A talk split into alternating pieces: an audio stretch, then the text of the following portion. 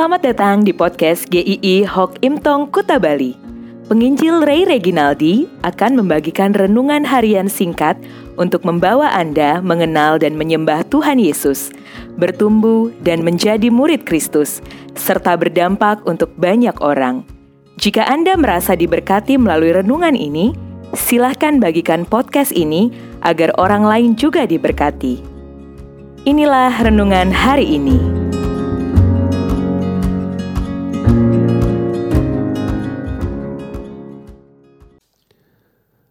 Selera rohani. Matius 5 ayat yang ke-6. Berbahagialah orang yang lapar dan haus akan kebenaran, karena mereka akan dipuaskan.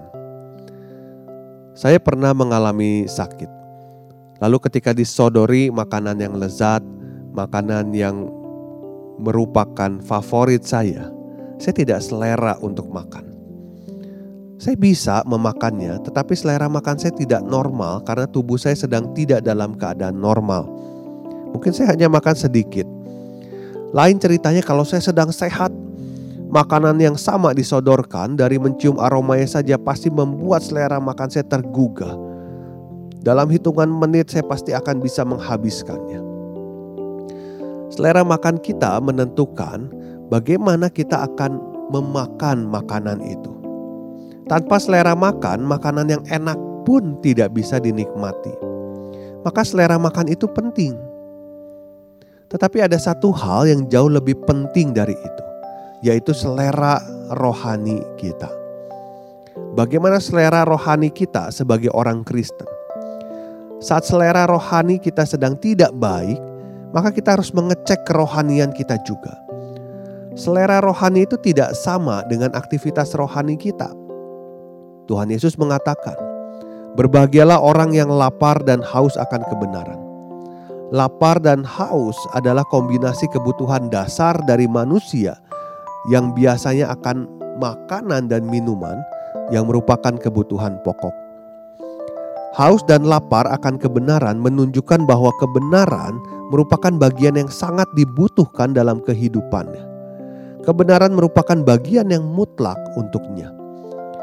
Orang yang punya kerinduan akan kebenaran itu tidak akan terkatung-katung mendapatkan kebenaran itu, tetapi akan dipuaskan.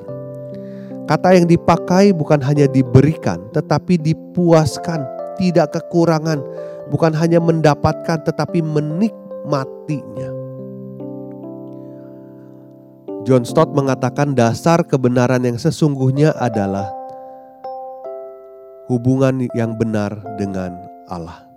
Saya ulangi, dasar kebenaran yang sesungguhnya adalah hubungan yang benar dengan Allah. Rasul Paulus yang sudah melayani bertahun-tahun merintis jemaat, pengajaran-pengajarannya luar biasa, bahkan banyak yang dia korbankan di dalam melayani Tuhan. Tetapi dia mengatakan, yang ku kehendaki ialah mengenal dia. Mengenal siapa? Kristus. Dan kuasa kebangkitannya dan persekutuan dalam penderitaannya di mana aku menjadi serupa dengan dia dalam kematiannya. Rasul Paulus selalu rindu untuk mengenal juru selamatnya, hidup dengan benar di hadapannya. Berapa lama Anda sudah menjadi orang Kristen? Mungkin ada yang sudah belasan atau puluhan tahun. Sudah banyak juga pelayanan yang Anda kerjakan. Anda sangat berpengalaman di bidang-bidang pelayanan tertentu. Tetapi jika hari ini Anda tidak punya selera rohani sama sekali, mungkin Anda sudah kehilangan waktu berdua bersama Tuhan yang bertahun-tahun silam Anda lakukan. Situasi hari ini juga membuat Anda semakin jauh dari Tuhan. Anda merasa ibadah online bukanlah ibadah, dan Anda sudah lama sekali tidak beribadah. Satu tips saya berikan untuk mengembalikan selera rohani Ingatlah akan besarnya kasih Tuhan Yesus pada Anda. Cinta yang diterima kita sebagai orang percaya tidak ada duanya. Ingatlah betapa Tuhan Yesus menyayangimu. Dia menerimamu bukan karena ada sesuatu yang Anda berikan kepadanya, tetapi Dia yang memberikan hidupnya untukmu.